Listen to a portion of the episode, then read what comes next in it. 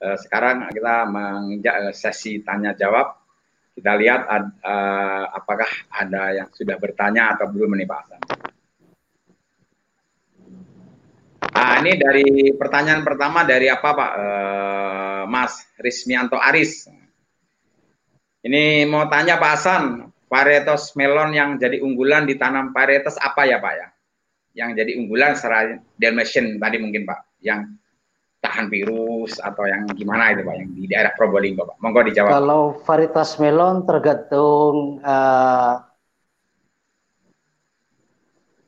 kalau untuk varietas atau jenis melon itu sudah banyak di toko pertanian Pak. Kita tinggal pilih yang tahan virus, atau modelnya yang bulat atau lonjong itu tergantung uh, pasar di wilayah setempat, Pak. Jadi uh, yang laris uh, di wilayah petani si A ini kan biasanya beda-beda, uh, wilayah barat atau daerah uh, pasar Surabaya ini biasanya banyak yang suka pada melon bernet, warnanya hmm. kuning, harum, uh, maka kita harus cari varietas yang tersebut. Pak.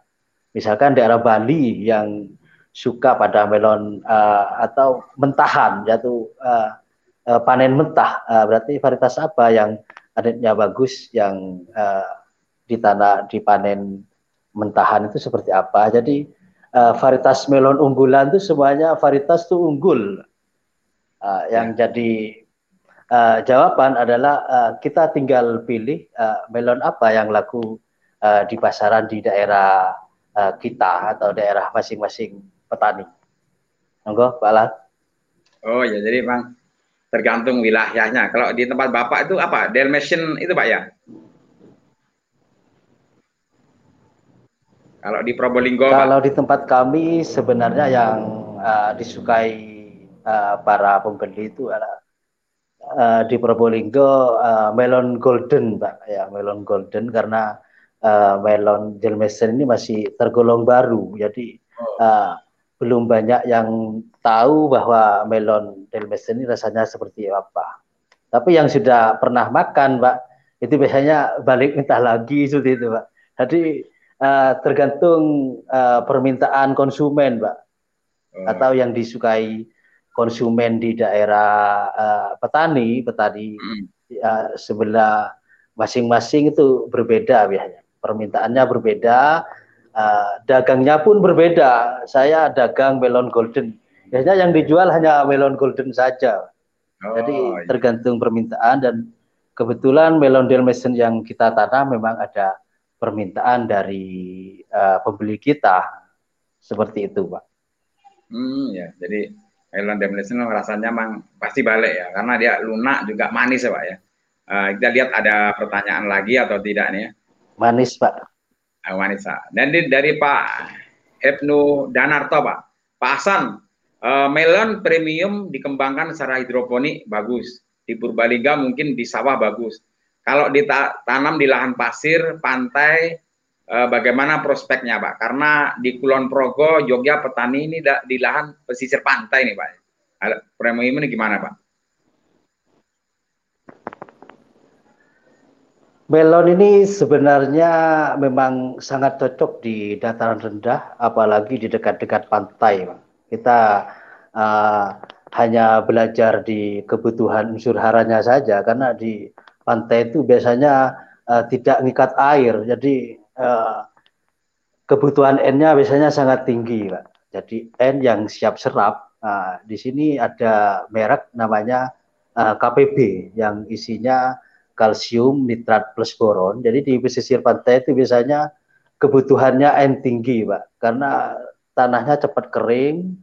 Uh, biasanya di situ uh, dibolak-balik banyak, Pak. Biasanya uh, KPB-nya satu kilo setengah, uh, eh, NPK mutiranya sekilo, tinggal dibolak-balik seperti seperti itu. Jadi uh, melon yang bagus itu menurut saya di dataran rendah, panas, itu biasanya umurnya uh, lebih cepat panen. Ya Pak Hasan, memang kalau tanam apa pun Pak, memang pengennya cepat panen Pak. Jadi kata Pak Hasan tadi benar, melon ini cocoknya memang di dataran rendah. Jadi eh, KBB itu adalah Karate Boroni tadi Pak ya. Jadi kuncinya kata Pak Hasan tadi bolak-balik aja mungkin uh, dilebihkan karate plus borinya daripada NPK. Jadi jangan temas, Bapak Pranoto tadi kuncinya adalah uh, pemupukan juga uh, pengelolaannya, Pak. Kita lihat uh, ada pertanyaan lagi atau tidak nih, Pak. Oh, yang ada nih Pak, uh, Bapak Oh, Ibu Ibu Evodia Nabila. Nah, makasih Ibu Evodia Nabila sudah memberi pertanyaan pada kami. Pak Hasan, minta tipsnya supaya bisa panen melon dengan break yang bagus meskipun di uh, musim hujan dan penanggul penanggulangan serangan jamur di musim hujan. Nah, ini pertanyaan bagus ini Pak. Ini di musim hujan uh, bagaimana saya meningkatkan breaksnya cuma juga kalau di melon sendiri ke musim hujan banyak serangan jamur, Pak. Daun-daunnya kayak jamur, pas daun-daunnya agak kering biasanya. Ini bagaimana sih triknya, Pak? Nah, tolong dibagi triknya kepada sahabat petani di seluruh Indonesia nih, Pak. Uh, pada musim hujan ini pertanyaan yang bagus ya. Jadi uh, ya, uh, di musim hujan break muncul sampai 15. Nah, jadi seperti ini, musim hujan itu rata-rata tanah selalu basah. Uh, di situ biasanya pH-nya drop Pak. Jadi mulai awal tanam, sering hujan, biasanya uh, pH. Jadi petani itu biasanya harus wajib punya pH. Jadi alat ukur uh, pH tanah. Jadi berapa uh, tanah yang sering hujan uh, pada budidaya melon itu biasanya uh, hujan terus itu biasanya turun sampai ke 4 pH ya. Nah, di situ biasanya unsur hara makro NPK itu jarang bisa terserap. Nah, makanya di sini ada namanya karate plus boron. Nah, jadi isinya apa? Isinya adalah kalsium nitrat plus boron. Jadi kalsium ini adalah komponen penting untuk menunjang unsur hara yang lain. Jadi tetap ikuti program uh, Merauke tetap jaya Nah, di situ kalsium nitrat plus boron ini selalu ikut di setiap pemupukan, mulai dari fase vegetatif, eh, fase pemotongan buah, seleksi buah, sampai terakhir ke fase pematangan. Ini kalsium nitrat plus boron ini terus ikut, walaupun dalam jumlah sedikit, tapi ter terus terus ikut terus. Nah, karena pada waktu musim penghujan, uh, itu rata-rata uh, unsur hara yang lain tidak bisa terserap karena pH-nya ngedrop. Makanya di situ ada kalsium yang siap serap, nah, yaitu KPB. Jadi jangan lupa terus pakai kalsium nitrat plus boron untuk uh, memaksimalkan tanaman. Nah, untuk jamur, biasanya jamur itu berkembang pada tanah-tanah yang lembab.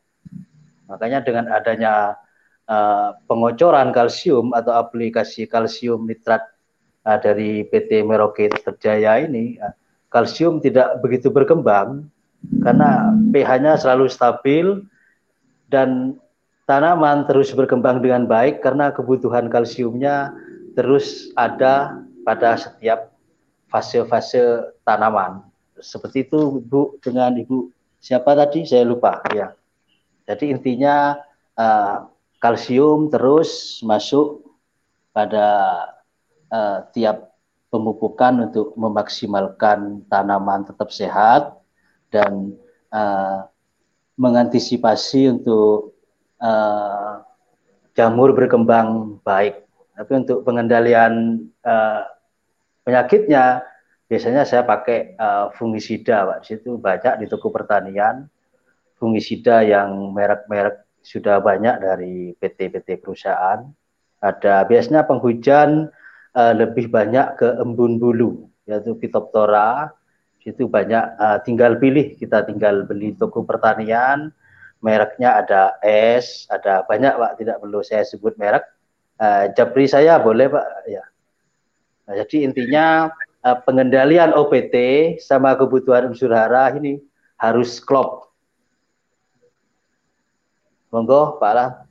Ya, ini cukup jelas tadi Bu eh, Evan dan Nabila, Mbak Nabila ya bahwasanya pertama adalah eh, pemberian kalsium sangat penting ya bahasannya. Kemudian eh, penanganan jamur penyakitnya harus dicegah sejak dini, Pak ya. Kalsium dan penanggulangan penyakit sangat penting sekali kita supaya musim hujan tanaman kita terhindar atau meminimalisasi terangan jamur. Kemudian saya tangkap lain peningkatan break yaitu pemberian kalium bebas klor dengan uh, karate plus boroni dimasukkan terus Pak Hasan ya. Oh, ya sip. Ini ada lagi yang bertanya nih Pak Hasan uh, dari Pak uh, Eyang Raksa. Uh, mau tanya Pak Hasan, untuk hasil panen seberapa besar pasar bisa menyerap hasil panen dari kelompok tani pasar? Nah, dari Pak yang raksanya. Monggo dijawab. Jadi, panen siap. Untuk panen itu biasanya belum tentu seberapa banyak tergantung uh, petani yang mau tanam. Tapi untuk saya pribadi itu uh, tergantung permintaan melon apa yang uh, mau ditanam itu tergantung pasar. Dan kebetulan uh, saya bekerja dengan agrotani mas itu kebutuhan per minggu dua ton. Kita bisa mengirim uh, per minggu dua ton. Dengan ibu siapa tadi? Pak Yang Raksa. Pak Yang Raksa Pak Hasan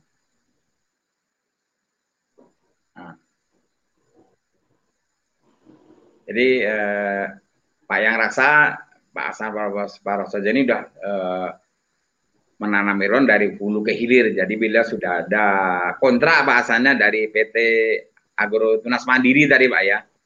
Jadi penyerapannya dijual Garut Mandiri, kemudian beberapa itu ditinggalkan, dipilih juga untuk eh, masyarakat atau yang beragrowisata nanti di kebun beli di kebun itu pak ya bahasannya itulah yang dilakukan Pak Hasan Prasojo ya, Pak. jadi seperti itu. jadi sudah aman pak ya. Ini ada pertanyaan lagi nih Pak Hasan kayaknya. Dari Pak Ibnu Danarto nih. Eh, Pak Sari Fadilah. Eh, pada seleksi buah apa yang penting kita perhatikan Pak? Ini paling uh, ini pertanyaan bagus sekali Pak. Karena uh, pada seleksi buah ini kita kadang salah memilih menyeleksi buah nanti hasilnya kurang maksimal. Ada yang dia bisa besar, ada yang terserang lalat buah. Jadi pada pasti seleksi buah ini Pak, yang kita perhatikan apa aja nih Pak Hasan? Monggo Pak.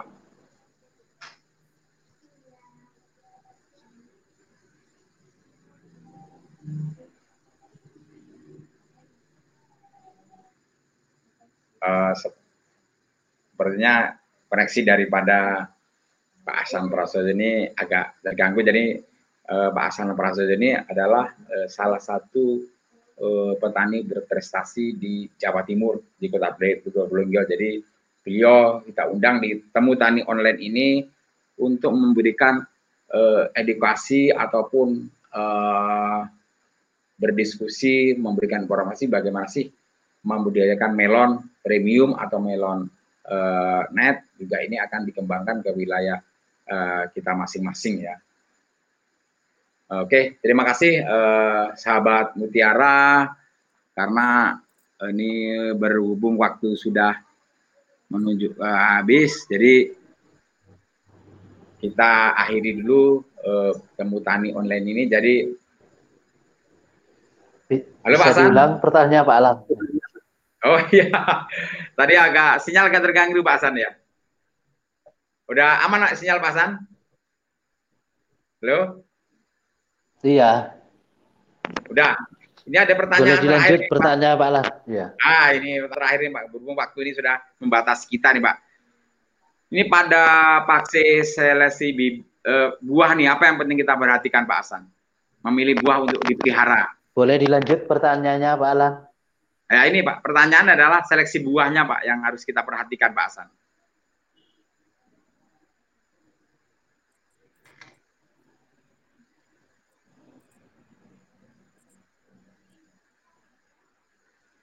Silakan dijawab Pak Hasan.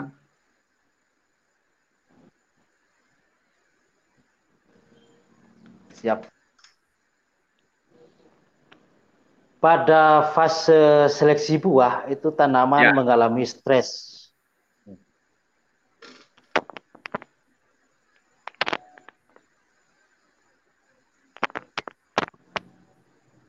Jadi pada budidaya tanaman melon, pada fase seleksi buah atau pemilihan buah, uh, biasanya tanaman mengalami stres, Pak.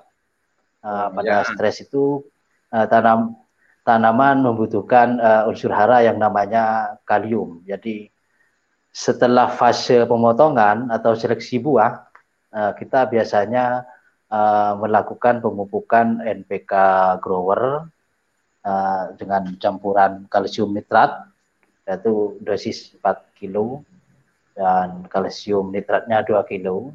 Jadi sebelum potong kita uh, lakukan uh, fungisida karena kita cari yang sistemik, artinya pemotongan sebelum seleksi buah itu sudah diimunisasi dulu tanaman.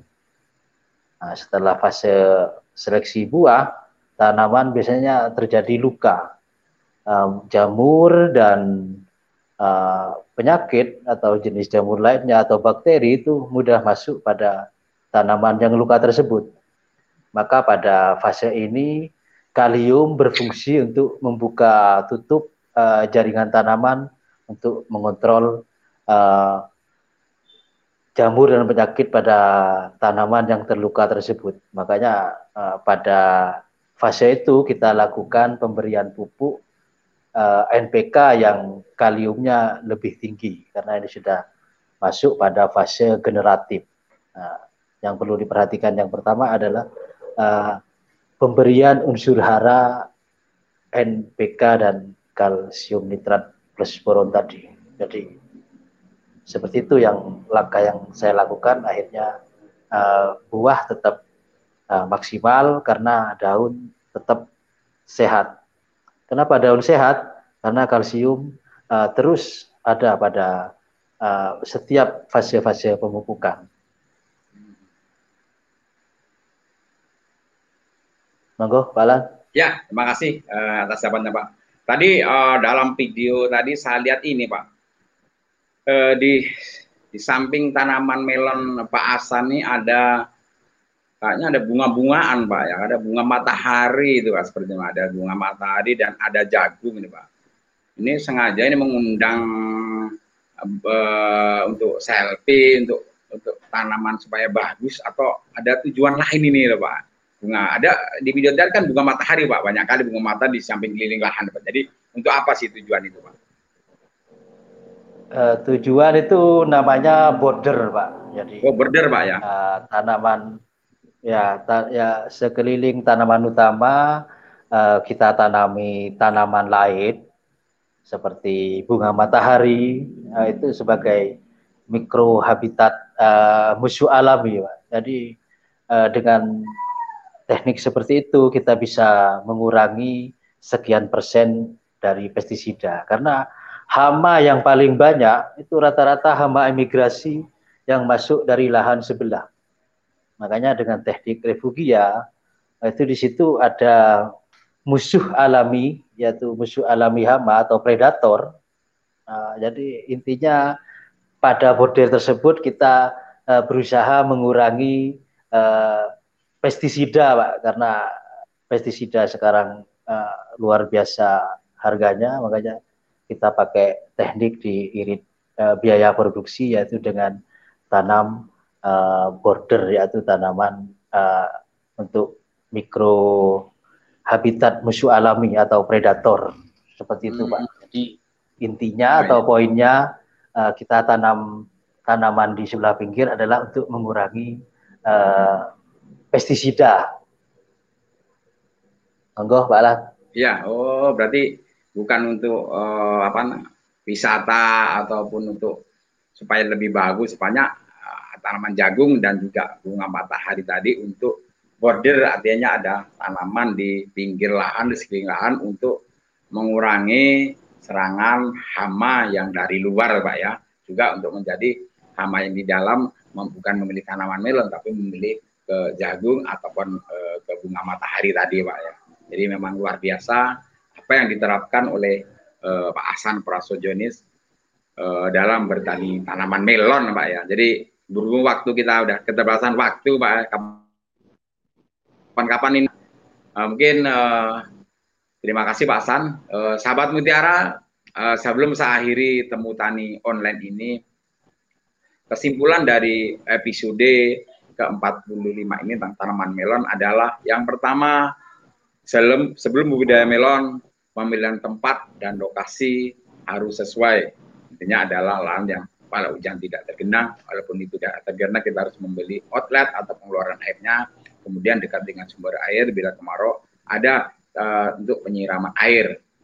Juga pengertian kedua adalah pH tanah. Yang ketiga adalah yang paling kata kunci bahasan pengenangan hama dan penyakit. Jadi penggunaan uh, insektisida, fungisida digunakan secara tepat. Apa yang ada hama atau penyakit yang menyerang tanaman itu yang kita gunakan. Dan untuk uh, menghindari atau mengurangi serangan hama penyakit tadi kita perlu memerlukan border yaitu sisi lahan kita tanami tanaman bunga matahari, jagung atau tanaman lain supaya mengurangi serangan hama atau dari luar ataupun hama yang dari dalam e, melon tadi larinya ke tanaman e, sela tadi yang border tadi. Yang ketiga adalah e, kesimpulan yang ketiga ini masalah nutrisi. Nah, pemberian unsur hara makro dan mikro di dalam tanaman sesuai dengan fase, fase vegetatif atau generatif K. Dan tanaman melon seperti Pak Hasan Prasajo bilang tadi bahwasanya eh, pada saat 50 hari kita perlu memberikan pupuk eh, kalium bebas klor SOP ya, yang Bapak Hasan Prasajo berikan. Itu adalah kesimpulan daripada episode yang ke-45 tentang tanaman melon. Uh, sahabat Mutiara di seluruh Indonesia uh, berhubung minggu depan uh, sudah masuk ke Hari Raya Idul Fitri. Saya Alan Wahyudi mewakili PT Market Tetap Jaya Indonesia mengucapkan selamat Hari Raya Idul Fitri. Hari Raya Idul Fitri, Mil Aidin, Wal Faidin. Mohon maaf lahir dan batin. Sahabat Mutiara di seluruh Indonesia, jika temu tani online episode ini dirasa bermanfaat, bagikan video ini sebanyak-banyaknya di media sosial Anda supaya ini menjadi motivasi kami ke depannya untuk memproduksi video edukasi-edukasi lainnya. Ikuti terus kami di media sosial. Ayo follow mereka tetap jaya di Instagram, like di Facebook kami mereka tetap jaya. Anda yang suka nonton YouTube, ada hobi uh, nonton YouTube, jangan lupa like video ini, subscribe channel NPK Mutiara TV, dan pentung tanda loncengnya agar sahabat Mutiara di Indonesia tidak ketinggalan video-video kami lainnya. Hmm. Stay healthy, jaga jarak. Mungkin itu yang uh, kita sampaikan di episode Temu Tani Online ke-45 ini. Saya ucapkan uh, kembali Terima kasih kembali Pak Hasan Prasojo telah meluangkan waktunya bagi kami untuk membagikan ilmu, berdiskusi bagaimana sih meningkatkan uh, kualitas dan kuantitas tanaman melon kita. Makasih Pak Hasan Prasojo ya, semoga selalu sehat dan memberikan uh, manfaat kelompok tani Bapak ini memberikan manfaat bagi masyarakat sekitarnya. Sampai amin, jumpa amin, dan tunggu terus edisi Temu Tani online lainnya berikutnya. Terima kasih sahabat Mutiara di Indonesia. Wassalamualaikum warahmatullahi wabarakatuh. Salam Mutiara. Waalaikumsalam warahmatullahi wabarakatuh.